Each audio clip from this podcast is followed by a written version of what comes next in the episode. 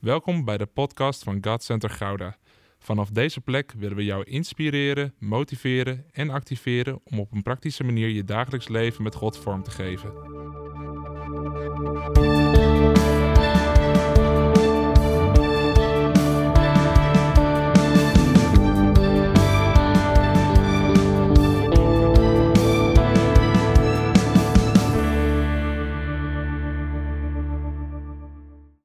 Zitten midden in de serie Switch. En dat gaat over verandering en tegelijkertijd ook over doorbraak. En terwijl ik daarmee bezig was, begon ik me af te vragen van oké, verlangen we nog echt naar een doorbraak? Of zijn we misschien soms lam geslagen en weten we niet waar we moeten beginnen? En soms kan het als we niet weten waar we moeten beginnen, kan het erin eindigen dat we minder verlangend worden naar die doorbraak. Gewoon omdat we denken van ja, maar hoe dan? Hoe dan? En terwijl ik daarmee bezig was, dacht ik, ja, als we echt verlangen naar doorbraak, dan heb ik geleerd, dan moeten we niet alleen kijken naar wat er gebeurt op dat moment van doorbraak, maar dan is het ook tijd om te kijken wat gebeurt daarvoor. Want wat daarvoor gebeurt, daar kunnen we van leren. En daar kunnen we van leren wat er nodig is om die doorbraak te forceren. En zo ben ik deze week ben ik bezig geweest met Mozes, Jozua en het volk van Israël. En afgelopen woensdag hebben we een krachtige gebedsdienst gehad. En daar heb ik ook over een aantal sleutels voor de doorbraak gesproken. En tegelijkertijd was het God die me lieflijk corrigeerde en zei: Jeroen, je, je bent er een vergeten. En dat ehm, zei hij op het moment dat ik aan het spreken was. En toen kon ik hem er nog bijvoegen. Maar daar wil ik vandaag de grote nadruk op leggen. Namelijk op het stukje toewijding. Zonder toewijding komt er geen verandering en verandering komt door toewijding. Als we verlangen naar verandering, dan is het belangrijk om toegewijd te zijn. Want verlangen dat niet wordt omgezet in actie, dat wordt uiteindelijk wachten en dat wordt passief. Verlangen dat niet omgezet wordt in actie, wordt uiteindelijk wachten, passief wachten. En het is belangrijk dat we in, in beweging blijven en dat we krachtig blijven en dat we niet achteroverleunend wachten van oké, als die verandering ooit maar komt, maar dat we bezig zijn om te wandelen richting die verandering. En dan bedoel ik niet dat we het zelf moeten verdienen door goed genoeg te doen, maar dat we wel actief mogen zijn in het verwachten. En in het volk Israël, Mozes en Jozua, het verhaal daarvan gaan we zien wat een belangrijke verandering teweeg kan brengen en hoe die teweeg gebracht wordt. Want veranderingen maken impact. Terwijl ik bezig was, ontdekte ik een aantal mooie elementen in het verhaal van, van het volk Israël, maar ook vooral in de toespraak van Mozes aan het einde van zijn leiderschap. Vlak voordat het volk het beloofde land ingaat. Hij zal het beloofde land niet ingaan. Hij zal de Jordaan niet overgaan. En hij gaat zijn leiderschap gaat hij overdragen aan Jozua. En dat is een grote verandering. Als we het hebben over switch, dat is een van de grootste leiderschapsveranderingen in de wereldgeschiedenis. Mozes die een heel volk, miljoenenvolk, door een woestijn heeft geleid en uiteindelijk niet mee het beloofde land in zal gaan, niet uiteindelijk de Jordaan over Jericho zal gaan innemen, maar hij draagt daar de macht over, de autoriteit over. En tegelijkertijd staat ook het volk Israël aan de rand van een grote switch in hun leven. Want ze zijn jarenlang, jarenlang zijn ze slaven geweest. Dan zijn ze een rondtrekkend volk geweest zonder thuisland of iets. Alleen maar in de woestijn. Ze zijn bevrijd van de slavernij, maar ze zijn nog niet op een plek van bestemming. En dan, zitten we, dan vallen we op dit moment in het verhaal. Dat, dat, dat ze aan het einde zijn van het rondtrekken. En de switch komt nadat ze echt een land gaan worden. Dat het niet alleen een rondtrekkend volk is, maar dat ze echt een land gaan worden. En dat ze een eigen plek hebben. En dat hebben ze al die jaren gemist. Al die eeuwen zelfs gemist. Omdat ze slaven waren en lang hebben rondgetrokken. En terwijl ik daarmee bezig was, toen, en dat zullen we zo direct snel langslopen, werd ik bepaald bij drie punten die God doet voordat die verandering komt. Eerst, hij spreekt zijn woord. Dan, hij bevestigt zijn woord. En dan heeft Jozua een ontmoeting met hem voordat ze Jericho gaan innemen. Jericho, dat is het moment dat de grote switch is. Daar hebben ze eindelijk een eigen land. Daar is het niet meer rondtrekken. Nee, wij zijn iemand. En dat is een identiteitskwestie ook voor zo'n volk. En ik zat te kijken van, oké, wat gebeurt er daarvoor? En ik had drie prachtige sleutels. Hij spreekt zijn woord, hij geeft zijn bevestiging en hij heeft een ontmoeting. En toen kwam de correctie van God. Want God zei, Jeroen, waarom kijken we als we verandering willen en als we een doorbraak willen, vaak alleen maar naar wat God doet en vergeten we te kijken naar wat we zelf mogen doen? Toen werd ik even stil. Dat deed even pijn. En toen dacht ik, ja, Heer, u heeft zo gelijk. U heeft zo gelijk, want we slaan gewoon heel makkelijk een klein stukje in de Bijbel over, wat gewoon tussen die elementen gebeurt. En daarom is het zo belangrijk om het hele woord te pakken. En niet te kijken van, Heer, wat kan u doen? Maar oké, wat gaan wij doen? U en ik. En wat is de volheid van het verhaal? En daar gaan we zo direct naar kijken. Eerst wil ik één vers lezen uit Deuteronomium 13. Dat is een van de toespraken aan het einde van Mozes' leiderschap. En daar waarschuwt hij het volk ook. En daar spreekt hij ook over hoe belangrijk het is om trouw te zijn, om toewijding te tonen. En ik wil vragen om te gaan staan voor het woord van God. Als je hier in de zaal bent voor het eerst bij ons bent, we gaan op het moment dat we de kerntekst lezen uit het woord van God, gaan we uit eerbied gaan we staan. Deuteronomium 13, vers 5. Het is een korte kerntekst dit keer. Straks hebben we nog een wat langere tekst. En daar staat: Blijf de Heer uw God volgen en heb alleen voor Hem ontzag. Leef zijn geboden na en luister naar Hem. Dien alleen Hem en blijf Hem toegedaan. Ik wil nog één keer herhalen. Blijf de Heer uw God volgen en heb alleen voor Hem ontzag. Leef zijn geboden na, luister naar Hem, dien alleen Hem en blijf Hem toegedaan. Je mag lekker gaan zitten.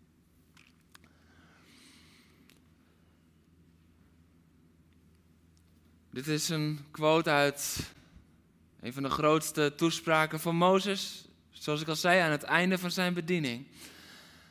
En dit is ook het moment dat hij de autoriteit zal gaan overdragen. En dat hij aan de rand van een nieuw begin voor het volk Israël zegt: blijf, blijf God trouw, blijf toegewijd. Blijf nou toegewijd. En in de context lees je er ook omheen. Luister niet naar andere stemmen. Ga, laat je niet afleiden richting afgoden of iets. Maar blijf je blik omhoog houden. Blijf toegewijd en blijf kijken naar God. Blijf toegewijd aan Hem. Ook als er valse leraren komen die zeggen van ja, maar dit of dit, hier kan je vertrouwen ook in stellen. Deze of deze God was het in die tijd. Alle volken hadden hun eigen goden en iedereen die, die dan kwam, die, die bracht wel zijn eigen God mee. En de meesten dachten van nou, dan pakken we hem erbij. En het werden heel veel goden voor één volk. Maar Israël was het volk met maar één God. En blijf hem nou toegewijd. En misschien denk je van ja, Jeroen, dat is een mooie boodschap, maar dat is niet zo moeilijk vandaag de dag. Ik weet dat Jezus Christus mijn redder is en niemand anders, dus dat zal echt niet gebeuren. Maar misschien zijn de afgoden van deze tijd niet zozeer andere goden zoals we ze zien in de tijd van de Bijbel. Maar misschien zijn de andere afgoden op dit moment wel macht, of geld, of seks, of noem maar op, wat er in jouw leven kan spelen. Een stuk autoriteit. Er kunnen zoveel afgoden zijn in ons leven waar we door afgeleid raken van degene waar het om gaat. Blijf toegewijd aan God, aan niemand anders. En ik zei al, ik ben op onderzoek uitgegaan naar wat gebeurt er dan voor die nieuwe start. Voor die switch in het volk, uh, voor het volk Israël. En een van de dingen die gebeurt is dat Mozes op het einde van zijn toespraak in Deuteronomium 31, dat hij Jozua bij zich roept. En ten overstaan van alle Israëlieten zegt hij tegen hem, wees vastberaden en standvastig, want jij zult het volk binnenleiden. Dat de Heer onder Ede uh, het land binnenleiden. Wat de uh, Heer onder Ede aan hun voorouders had beloofd. En onder jouw leiding zullen ze het in bezit nemen. De Heer zelf gaat voor je uit. Hij zal je bijstaan en geen moment van je zijde wijken. Wees niet bang en laat je door niets ontmoedigen. Dat is de belofte van God. Hier wordt het woord van God uitgesproken. Voordat God iets doet, spreekt hij. Voordat God opeens een grote switch brengt, dan spreekt hij in je leven. Als God iets groots van jou vraagt, dan zal hij spreken. Waarom? Omdat hij je niet onvoorbereid wil laten gaan. En omdat hij weet dat op het moment dat je tegenstand gaat krijgen, dat je niet, um, niets minder nodig hebt dan zijn woord om als anker vast te pakken. Jozua die zal zijn momenten hebben gehad dat hij dacht, oh, kan ik dit wel? Ben ik hier wel klaar voor? Ben ik hier wel voor geroepen? En als hij dan moest terugvallen op de woorden van Mozes, dat Mozes zei van ja, ik heb jou uitgekozen als mijn opvolger, dan was dat niet genoeg geweest. Want dan was hij teruggevallen en dan dacht hij nee, ik ben er niet klaar voor. Maar als God over je heeft gesproken, als God zijn waarheid over jou heeft uitgesproken, dan is dat een anker. Dan is dat een anker in de storm. Op het moment dat het allemaal niet zo goed loopt als dat je dacht, dan kan je dat vastpakken.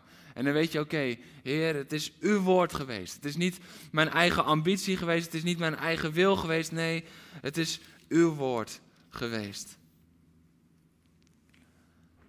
Dat is het woord dat God uitsprak. Het tweede wat daarvoor gebeurde vanuit Gods kant, is dat hij bevestiging gaf. En hij geeft die bevestiging in Jozua 3 als de doortocht door de Jordaan gebeurt. Daar, daar vindt letterlijk plaats dat God voor Jozua uitgaat. Hij zegt hier, wees niet bevreesd, want ik ga voor je uit. Ik ga voor je uit. Je hoeft het zelf niet te doen, je hoeft zelf niet te strijden. Nee, ik ga voor jou uit. En dat is dan ook wat God laat zien als het volk de Jordaan doortrekt. Wat er moet gebeuren is namelijk dat de ark moet gedragen worden door de priesters en die moet voor het volk uit. De ark staat voor de aanwezigheid van God en dat gaat voor het volk uit. Omdat het volk zelf niet door de Jordaan kan banjeren, nee, de ark gaat er vooruit. En wat er dan staat is dat de priesters moesten met, met hun voeten in het water gaan staan, terwijl ze de ark droegen. En zij moesten de weg vrijmaken. Waarom? Omdat het de aanwezigheid van God was die dat zou gaan doen. En het water is omgeeft hun enkels als het ware. En dan komt er een splitsing en ze kunnen droog de Jordaan oversteken. De bevestiging van het woord. God bevestigt altijd zijn woord. Dus zoals hij heeft gesproken, ik zal voor je uitgaan, bevestigt hij. Ja, je hoeft niet zelf de Jordaan over te steken, je hoeft er zelf niet doorheen te zwemmen. Je hoeft niet je eigen leven te wagen, niet op eigen kracht, nee, ik ga voor jou uit. Wat een genade. Dat God zegt, ik ga voor jou uit. En als hij dat zegt, dan bevestigt hij dat ook. Hij bevestigt zijn woord nog voordat de grote switch komt. De switch van de inname van Jericho. Want als je van buitenaf kijkt, als je geschiedenisboeken zou, erop zou naslaan, zou dat het grote omslagpunt zijn in de geschiedenis van Israël. Maar voor dat omslagpunt gebeurt een aantal, gebeuren een aantal dingen. Dus Gods woord heeft, heeft hij gesproken, Gods bevestiging heeft hij gegeven. En dan zou je denken van dan ben je er klaar voor. Dan ben je klaar om dat land in te nemen. Maar God weet dat Jozua nog een ontmoeting met hem nodig heeft. En dat lezen we in Jozua 5. Toen Jozua eens in de omgeving van Jericho liep, zag hij plotseling een man tegenover zich staan met een getrokken zwaard in zijn hand. Jozua ging op hem af en vroeg, hoor je bij mij of bij de vijand? Hij denkt, even checken. Hoor je nou bij mij of bij de vijand? De man antwoordde, bij geen van beiden. Ik ben de aanvoerder van het leger van de Heer. Daarom ben ik hier. Dit is een ontmoeting met God zelf. Het type beeld van de Heer Jezus. De aanvoerder van het leger van de Heer, de Heer Jezus zelf. Jozua viel op zijn knieën, boog voorover en vroeg hem: Mijn Heer, ik ben uw dienaar, wat beveelt u mij? En de aanvoerder van het leger van de Heer zei tegen Jozua: Trek je sandalen uit, want op de plaats waarop je staat is heilig. Jozua deed wat hem bevolen was. Dit is een ontmoeting met God zelf. Zoals Mozes zijn sandalen moest uitdoen toen hij bij de braamstruik was, zo moet Jozua nu zijn sandalen uitdoen. Omdat de tegenwoordigheid van God daar is. En deze plek is heilig, zoals God tegen Mozes ook zei, want deze plek is heilig. We zien zoals het begin was voor Mozes, is het begin van Jozua eigenlijk hetzelfde. Een ontmoeting met God zelf. Hij had een ontmoeting nodig voordat de doorbraak zou komen, voordat de switch zou optreden. Dat is wat er gebeurt. Dat is Gods aandeel. Dat is Gods aandeel in het stukje een nieuwe start, een switch, een doorbraak. Maar zoals ik net al zei, corrigeerde God me. En gebeurt er iets, want we hebben een klein stukje overgeslagen. We hebben gezien hoe in Joshua 4 het volk door de Jordaan trekt. Nadat in Deuteronomium de woorden door Mozes eh, van God zijn gesproken tot Joshua. Het volk trekt de Jordaan over en dan slaan we een deel van Joshua 5 over en dan kijken we naar de ontmoeting en daarna in Joshua 6 zullen we zien dat Jericho wordt ingenomen. Maar Joshua 5 kent nog een deel van het verhaal. En dat is namelijk de massale besnijdenis. En nu worden de mannen heel enthousiast. Vrouwen beginnen te giechelen en mannen die kijken me nu angstig aan. En jullie zijn gewend dat ik uh, dingen uitbeeld en dat ik altijd uh, voorwerpen bij me heb. Dus ik heb hier ook wat voor meegenomen. Dave, wil je even naar voren komen? Nee, grapje. Neem het even goed in je op, mannen. Dan zal je nooit meer hetzelfde naar een aardappelschilmesje kijken. Er was een massale besnijdenis. En daar gaan we over lezen. Laten we dat doen met elkaar. Jozua 5, hij zal in beeld komen. Vers 2. Na de overtocht zei de Heer tegen Jozua: Maak messen van vuursteen en besnijd de Israëlieten opnieuw. Jozua maakte die messen en hij besneed de Israëlieten opnieuw bij de Voorhuidenheuvel. Ongelooflijk jongens, de Voorhuidenheuvel. Stel het je even voor. Hij besneed hen omdat alle weerbare mannen die uit Egypte waren weggetrokken naar de uittocht waren gestorven onderweg in de woestijn. Van het volk dat weggetrokken was, waren alle mannen besneden geweest. Maar de mannen die na de uittocht waren geboren, toen het volk onderweg was in de woestijn, waren niet besneden. Want Israël trok 40 jaar door de woestijn, totdat alle weerbare mannen die uit Egypte waren weggetrokken, gestorven waren. Ze hadden niet geluisterd naar de Heer en daarom had de Heer hun gezworen uh, dat hij hun niet het land in zou laten gaan. Uh, zou, dat, uh, dat ze het land niet zouden zien en dat ze het niet in zouden gaan dat hij had gegeven. Zoals hij hun voorouders had beloofd. Het land dat overvloeit van melk en honing. Maar hij liet hun zonen die plaats innemen. Dus besneed Jozua deze zonen, omdat dit onderweg niet gedaan was. Nadat hij uh, nadat ze allemaal waren besneden, moesten ze in hun tenten blijven totdat ze waren genezen. Dit duurde ongeveer drie dagen, waarin ze ook hoge koorts kregen. Dat was een effect van een besnijdenis op latere leeftijd. En de Heer zei tegen Jozua: Vandaag heb ik de schande van Egypte van jullie afgewenteld. En Jozua noemde de plaats Gilgal. Zo heet die plaats tot op de dag van vandaag.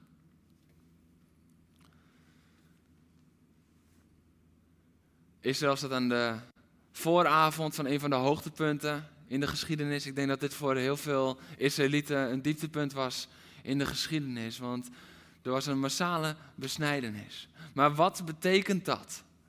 Waarom sprak God hierover en waarom wilde hij daar vandaag ook iets over zeggen? Want dat betekent niet dat we letterlijk een besnijdenis moeten hebben, maar het is de besnijdenis van ons hart waar hij nu over wil spreken. En de toewijding van ons hart waarover hij wil spreken. Want het is 40 jaar lang dat Israël door de woestijn reist. En de jongetjes zijn niet besneden. Datgene dat het teken was van het verbond met God al vanaf Abraham is niet in stand gehouden. En God heeft zijn, zijn beloftes gedaan. En God heeft zijn deel van de relatie van het verbond heeft hij gehouden. Hij spreekt zijn woord, hij bevestigt zijn woord. Hij brengt een ontmoeting aan Jozua, maar wat zit erin voor ons? Als wij een doorbraak willen, als wij verandering willen, dan ligt toewijding daaraan te grondslag. Als we geen toewijding tonen, dan kunnen we wel zeggen we verlangen naar een verandering. Maar dan verlangen we vooral dat God verandering brengt. Terwijl God zegt, maar ik wil samenwerken. Het gaat samen. Het is jij en ik samen. En een van de dingen die we hierin zien is dat het ze wat mocht kosten. Toewijding kost je iets. En dat is een boodschap die meestal wat minder populair is. En we roepen allemaal glorie, halleluja als we het hebben over de ontmoeting van God met Jozua. Ja, hij bezoekt je voordat je een van de moeilijkste dingen ingaat. Een van de grootste uitdagingen van je leven. Hij bezoekt je en hij bemoedigt je. En je krijgt een persoonlijke ontmoeting. Dan denken we, ah, halleluja. En we worden enthousiast, want dit is het evangelie.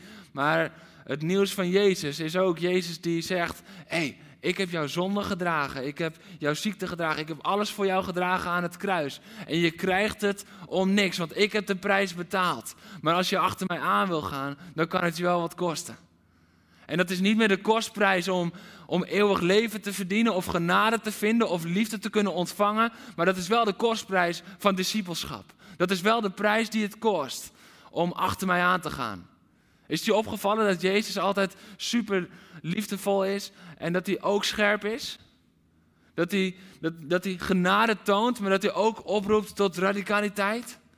Dat het niet of-of is, maar dat het en-en is bij Jezus? En dat het ook zo is hier? God zegt, ik, ik spreek mijn woord, ik bevestig mijn woord, ik geef je een ontmoeting, maar ik vraag je toewijding. Zijn we bereid om onze toewijding te geven? Ook als het ons iets kost. Ook als het ons pijn doet. Weet je, ik zat daarover na te denken deze week. En ik dacht, tot, het is ergens is het heel erg gek dat, dat we een soort beeld van ons leven met Jezus hebben gecreëerd. Dat het geen pijn mag doen of zo. Terwijl God soms dingen van ons vraagt die best wel even menselijk gezien pijn kunnen doen. Maar ze brengen zegen voort. Dat is hier ook. Die mannen hadden pijn. Daar ben ik van overtuigd. Ik moet me niet te veel indenken, want dan, dan ik altijd heel... Ah. Ze hadden pijn. Ze moesten drie dagen in hun tenten blijven. Ze waren er ziek van, letterlijk. Dat is wat het lichamelijk met hen deed. Maar er was een diepe zegen die het voortbracht. Het was een diepe zegen die het voortbracht, het verbond van God. Maar mag het soms even pijn doen? Of denken we, nee, we, we gaan voor de happy clappy en het mag geen pijn doen. En als het pijn doet, dan is het de schuld van de duivel. Terwijl God soms iets van je vraagt wat enorme zegen voortbrengt, maar menselijk gezien pijn doet. Weet je dat dat de krachtigste veranderingen zijn in je leven? Toen God mij vroeg om te stoppen met voetballen, toen deed dat pijn. Dat deed echt pijn, dat was mijn passie, dat, dat vond ik helemaal geweldig. Maar het bracht grote zegen voort in mijn leven. Maar het deed pijn. Wat vraagt God in jouw leven wat pijn doet, maar wat zegen gaat voortbrengen en waar jij misschien nog geen antwoord op hebt gegeven, omdat je denkt, nee, maar het evangelie mag geen pijn doen. Het goede nieuws van Jezus mag geen pijn doen. Maar het is niet of-of, het is en-en. Ja, jij kan niks toevoegen aan het werk van Jezus. Jij kan genade niet verdienen, liefde niet verdienen. Jij kan Gods aanwezigheid kan je niet verdienen. En tegelijkertijd zegt Jezus, ik vraag jou om je toewijding. Ik vraag je om je toewijding als discipel van mij. Want ja, je bent mijn kind, maar je bent ook mijn discipel. Het is en-en. En het mooie is dat we zien dat hij die toewijding niet vraagt voordat het volk Israël de woestijn inkomt. Daarin zie je de genade. De volgorders in het woord van God zijn niet voor niets. De volgorders zijn altijd bewust gekozen. God heeft niet die toewijding gevraagd voordat ze de woestijn ingingen, voordat ze ver genoeg de woestijn ingingen, voordat ze de Jordaan overgingen. Nee, daarna. Dus daarin zien we, God geeft zijn woord en hij bevestigt zijn woord. God doet zijn wonderen en zijn tekenen en die kunnen we niet zelf verdienen. Ze konden niet de Jordaan verdienen door eerst dat te doen, eerst toewijding te tonen. En dan zijn ze goed genoeg voor een woord en een wonder van God. Nee, God doet dat eerst. En daarna vraagt hij om de toewijding. Zoals Jezus eerst voor jou aan het kruis is gegaan. Zodat, zoals Jezus eerst voor jou uit is gegaan. En daarna vraagt: Volg jij mij? kom, volg mij. En dan ga je niet een weg in die nog niemand heeft uh, gelopen. Dan ga je niet een weg in die je op eigen kracht moet doen. Nee, want ik ga voor jou uit. Maar volg jij mij? Ook als het je wat kost. Steeds als Jezus het heeft over het volgen, dan heeft hij het over iets wat het je kost. Neem je kruis op, verlogen jezelf en kom achter mij aan.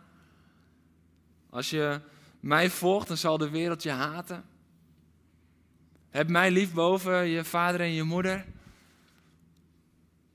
Kom en volg mij. En in alles confronteert hij ons met de realiteit van discipelschap. Mag het je wat kosten? Een ander facet van toewijding is dat je je overgeeft aan. Als je helemaal toewijdt aan iets, dan geef je je over aan datgene. En dat is een heel bijzonder element hier, want ze werden allemaal besneden. Allemaal op één dag. Het was allemaal op hetzelfde moment. Dat is strategisch niet zo handig.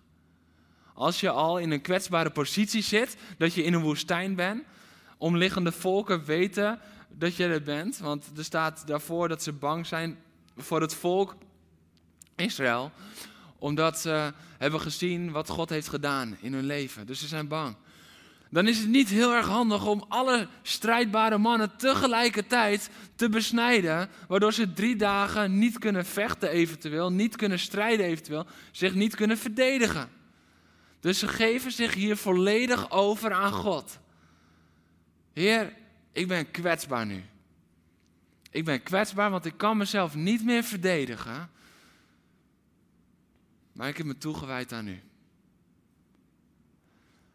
Weet je dat toewijding jou heel kwetsbaar maakt? Maar dat toewijding daardoor ook het middel is waardoor je de bescherming van God over je leven gaat zien? Want er is geen volk dat ze aanvalt in die drie dagen. Er is geen volk dat ze aanvalt terwijl alle mannen met koorts in hun eigen tent liggen. Er is geen aanval, want er is bescherming van God. Als jij je toewijdt aan God zelf. Als jij wandelt in toewijding en het mag jou iets kosten en jij geeft je over, dan zal Hij elke keer weer zijn trouw aan jou bewijzen. Zijn trouw is oneindig. En besef je dat waar je aan toewijdt, dat dat uiteindelijk jou de, uh, de dat jij daarvan afhankelijk wordt. Was daarmee bezig en toen moest ik denken aan waar we ons aan toewijden deze tijd. En zo vaak is het, is het geld. Zo vaak is het social media. Zo vaak is het aanzien. Zo vaak is het Vul het maar in voor je eigen leven. Waar wijd jij je aan toe? En dan heb ik het niet over wat jij met je mond beleidt, maar waar jij je daadwerkelijk aan toewijdt. Want weet je dat daar heel vaak een groot verschil tussen zit? Want met onze mond beleiden we wel dat God onze nummer één is. En dat, dat, dat we vol achter Hem aangaan. En dat Hij al onze tijd krijgt. En dat Hij ons hele leven krijgt. Maar dat zijn de woorden die we met zijn mond beleiden. Maar onze daden laten zien of we ons daar ook echt aan toewijden. En wijden we ons toe aan datgene wat we zeggen. Wijden we ons eraan toe, want uiteindelijk worden we afhankelijk van datgene waar we ons aan toewijden. Als wij ons toewijden aan geld, dan worden we uiteindelijk wordt ons geluk en onze zekerheid en onze identiteit wordt afhankelijk daarvan. En als wij ons toewijden aan een stuk macht, dan wordt uiteindelijk ons zelfbeeld wordt afhankelijk van macht. Als wij ons toewijden aan social media om een stuk zelfbeeld te bouwen of een stuk onzekerheid misschien te verbloemen, uiteindelijk zal die social media zal bepalen hoe wij ons voelen. We worden er afhankelijk van. Waar jij je aan toewijdt, word je afhankelijk van. En beter wijd je toe aan God, die trouw is, die de waarheid over jouw leven spreekt, die het beste met jou voor heeft. Die de prijs voor jou betaald heeft. Die, die zegt, jij bent mijn kind. En mijn liefde voor jou is oneindig. Ik heb mijn eigen zoon voor jou gegeven. En niets kan daartussen komen. Want jij bent het waard. Dat zijn de woorden van God. Elke ochtend opnieuw. Elk moment van jouw leven. Beter worden we daar afhankelijk van. Als dat we afhankelijk worden van al die aardse dingen die kunnen spelen in ons leven. En dat gebeurt allemaal bij Gilgal. En Gilgal, dat betekent afwentelen. Zoals God ook zegt, ik heb de schande van Egypte, van jullie afgewenteld. Ik heb dat van je oude leven afgewenteld. Als we het daar ook over hebben hè, met elkaar. Vorige week hebben we gekeken hoe sluit je het verleden af. Soms is het door je radicaal toe te wijden aan het God van het nieuwe. Aan de God die het nieuwe wil geven. Jesaja 43. Hij wil iets nieuws geven en dan wentelt hij dat af. En soms moeten we dan iets doen wat enorm pijn doet. Een besnijdenis. Datgene, misschien moet God wel in datgene snijden in je leven. Wat je verborgen hebt gehouden, omdat het zo'n pijn doet. Maar het afwentelen, dat staat voor het oude afwentelen en het toewijding maken in het nieuwe. En dat brengt altijd vreugde, ook al doet het pijn. We hadden gisteravond hadden we een van de vaste diensten in Godcenter voorschoten. En aan het einde was er gewoon nog wat spontane worship en de livestream was al afgesloten. Maar met de mensen waarmee we daar waren, uh, hadden we nog gewoon even een moment om God te prijzen. En op een gegeven moment werden er twee oude, tieners van mij, inmiddels zijn ze jeugd, werden erbij geroepen. En ze waren een tijdje, waren ze, hadden ze God een beetje losgelaten. En wat daar gebeurde is dat er profetisch over ze werd gezongen. Ze werden bevestigd. Ze werden weer helemaal omarmd. En terwijl ze een tijdje zelf waren weggelopen, waren ze terug. En dat was, daar werd het oude werd van ze afgewenteld en het nieuwe was gekomen. Het oude, de, het oude wat ze hadden gedaan, de foute keuzes die ze hadden gemaakt, dat werd van ze afgewenteld. En ze waren klaar voor wat nu gaat komen. Ze waren klaar om een nieuw seizoen in te gaan. En dat brengt altijd vreugde. Gilgal brengt altijd vreugde. Ook al doet het pijn, ook al is het niet in je comfortzone misschien, het brengt uiteindelijk altijd zegen en vreugde en vrucht voort. Dat is wat er gebeurt daar. Want het volk zal vanaf dat moment zal het Jericho gaan innemen en een nieuwe fase ingaan. Een nieuw seizoen instappen. En dat is wat er gebeurt. En dat is wat er gisteravond ook gebeurde bij die tieners. Dat oude werd van ze afgewenteld en ze zijn klaar. En het werd ook over ze uitgezongen. I'm ready. I'm ready. En ze zijn klaar om een nieuw seizoen in te stappen. Omdat het oude werd afgewenteld.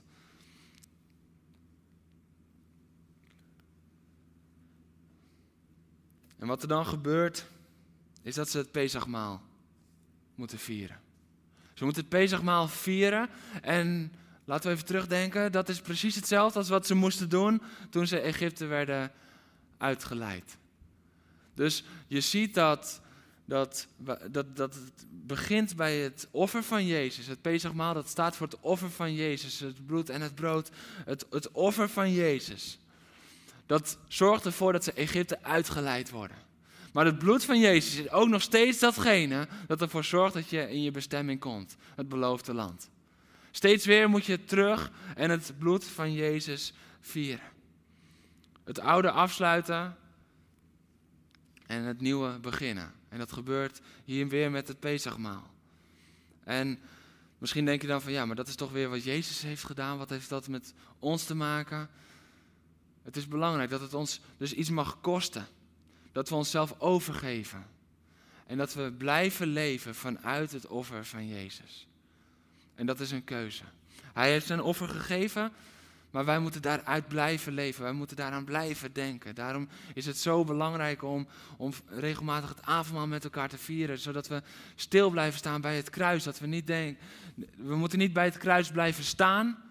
Zo van, oké Heer, want dan had het volk Israël had net buiten de grens van Egypte, waren ze blijven stilstaan. Halleluja, we zijn bevrijd en nu blijven we hier staan. Dat was niet hun bestemming, maar we moeten wel blijven leven vanuit dat kruis. Het is wel belangrijk om iedere keer vanuit dat kruis verder te stappen.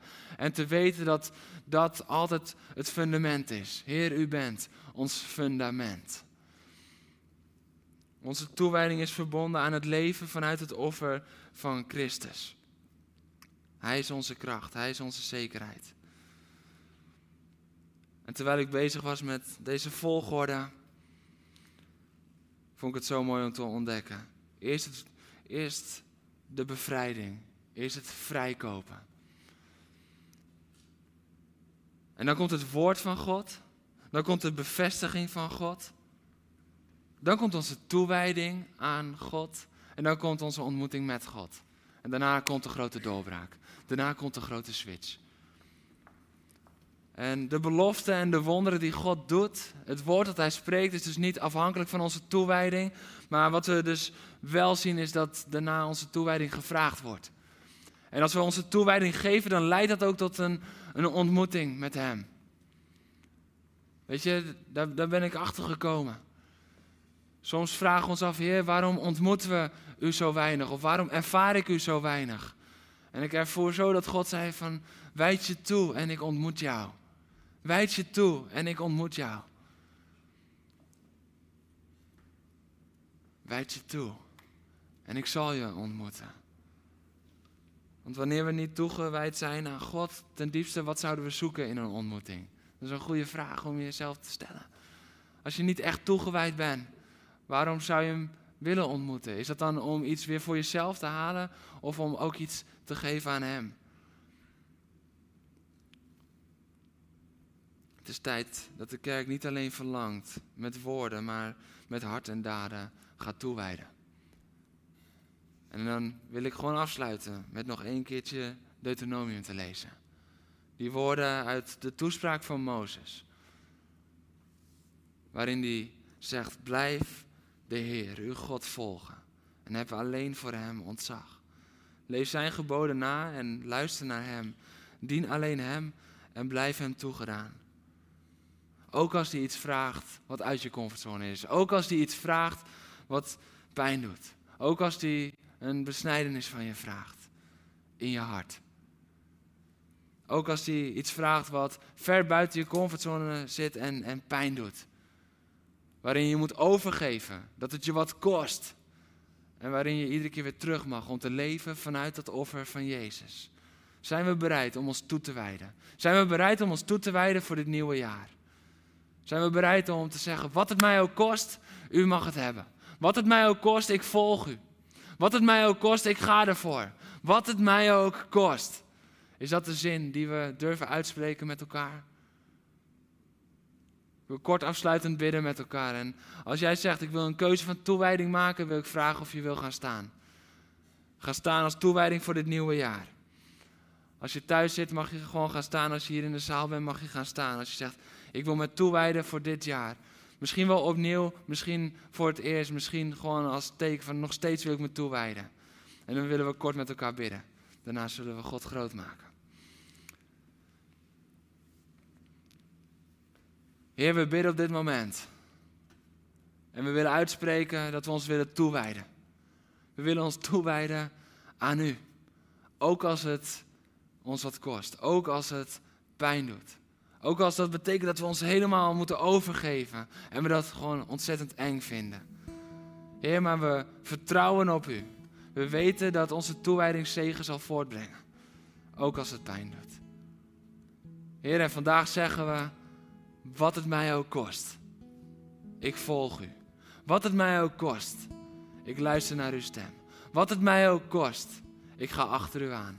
Wat het mij ook kost. Ik wijd mij toe. In Jezus' naam. Amen.